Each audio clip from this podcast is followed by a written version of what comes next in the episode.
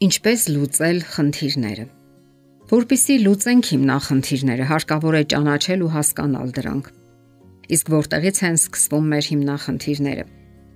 Ինչու են մարդիկ հարբեցողներ կամ թմրամոլներ դառնում։ Ինչու են ընդհանրապես որևէ կախվածության մեջ ընկնում եւ ինչն է մղում դրան։ Ասենք որ կախվածությունները բացասաբար են ազդում մեր կյանքի որակի վրա եւ կարող են լինել կախվածության տարբեր տեսակներ հարբեցողություն, ծխախոտ, կախվածություն որևէ մարդուց, նրա վարքագծից եւ տրամադրությունից։ Կա նաեւ կախվածություն սեռական հարաբերություններից։ Ինչ է կախվածությունը։ Ասենք օրինակ, դուք ձեզ վատ եք զգում, անտրամադիր եք եւ սկսում եք շոկոլադ ուտել։ Երբ դա կրկնվում է parberabar, ուրեմն դուք կախվածության մեջ եք։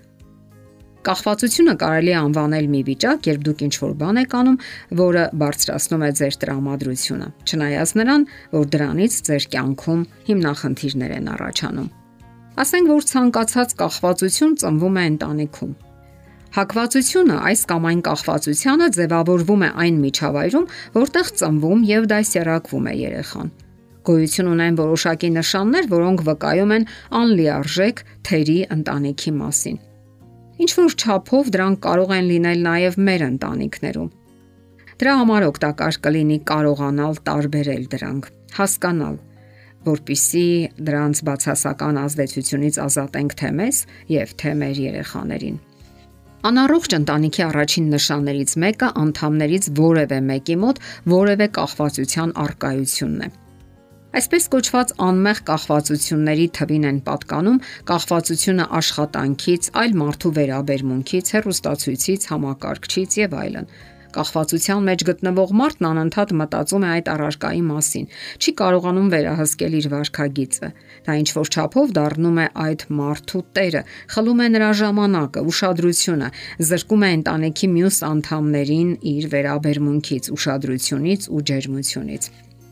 Կախվածության հաջորդ պատճառը ոչ լրիվ ընտանիքն է։ Այս դեպքում բացակայում է ընտանիքի անդամներից մեկը, կոնկրետ դեպքում հայրը կամ մայրը։ Մեկ ծնողը երբեք չի կարող լիակատար դասերակցություն տալ երեխային։ Կարևոր չէ, ծնողը բաժանվել է, մահացել է, թե հերրու տեղ է գտնվում։ Դա ազդում է երեխայի թե հոգեբանության, թե ինքնագնահատականի, թե կյանքի հանդեպ վերաբերմունքի վրա։ Եթե ձեր ընտանիքում կա նման հիմնախնդիր, պետք է ջերմությամբ շրջապատեք երեխային։ Խրախուսեք, որ նա շփվի հարազատների եւ հատկապես բացակա անդամի սեռին պատկանող հարազատի հետ։ Կարող է շփվել նաեւ այն մեծահասակների հետ, որոնց դուք վստահում եք։ Դա ինչ որ չափով կարող է մեղմել բացակա անդամի կորուստը։ Կախվածություն կարող է առաջանալ այն դեպքում, երբ ընտանիքում հիվանդություն կա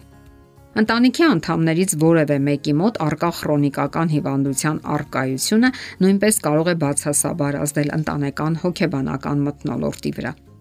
Եթե օրինակ տատիկը տարապում է ծանր ֆիզիկական կամ հոգեկան հիվանդությամբ, ապա թե մեծերի եւ թե երեխաների մոտ կարող են լինել ապրումներ կամ սթրեսային վիճակներ։ Այս դեպքում ընտանիքում հայտնվում են որոշակի կանոններ։ Հանգիստ եւ լուր պետք է պահես քեզ, ընկերներ չբերես, երբ հիվանդը նոպայի մեջ է, ուրիշներին չպատմես հիվանդության մասին, մշտապես հետևես հիվանդի վարքագծին կամ ինքնազգացողությանը։ Այս դեպքում հարկավոր է նվազագույնի հասցնել հոգեբանական վնասները ու շադիր խնամելով հիվանդին, չմոռանալով իհարկե, որ պետք է ապրեք լիարժեք կյանքով։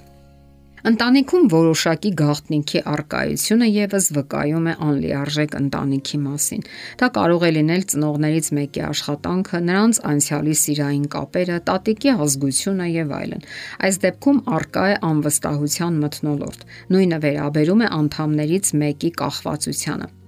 Ասենք ծնողը խմում է կամ երեխան թմրանյութ է օգտագործում։ Դարձյալ հրահանգավորված է սրբորեն պահպանել գաղտնիքը այլ մարդկանցից։ Առանձնահատուկ ծանր է իրավիճակը, երբ ընտանիքում երեխայի հանդեպ բռնարարքներ են կատարվում, եւ նա վախից ի վիճակի չէ ասել այդ մասին որևէ մեկին։ Եվ այս գաղտնիքները կուտակվելով ստեղծում են սթրեսային իրավիճակ, անվստահության մթնոլորտ։ Անլիարժեք ընտանիքի բնորոշ նշաններից են նաև այնտեղ սահմանված ու չգրված կանոնները։ Ահա դրանցից մի քանիսը։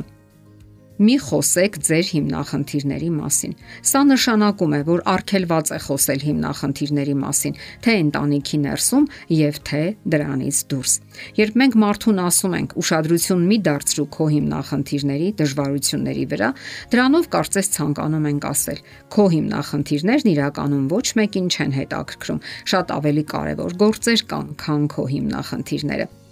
Դրանից բացի ցանկանում ենք ասել, որ չի խրախուսվում թեմայի քննարկումը, հետեւաբար եւ լուծումը չի գտնվելու։ Իսկ եթե արգելված է հիմնախնդրի մասին խոսել ընտանիքից դուրս, դա նշանակում է, որ չի կարելի դիմել համապատասխան մասնագետի, ընկերների հետ զրուցել եւ այլն։ Ի վերջո, դա նշանակում է հույս չունենալ որևէ օգնության, բարելավման եւ ի վերջո նշանակում է հույս չունենալ որևէ օգնության եւ պարզապես կյանքի հետագա բարելավման։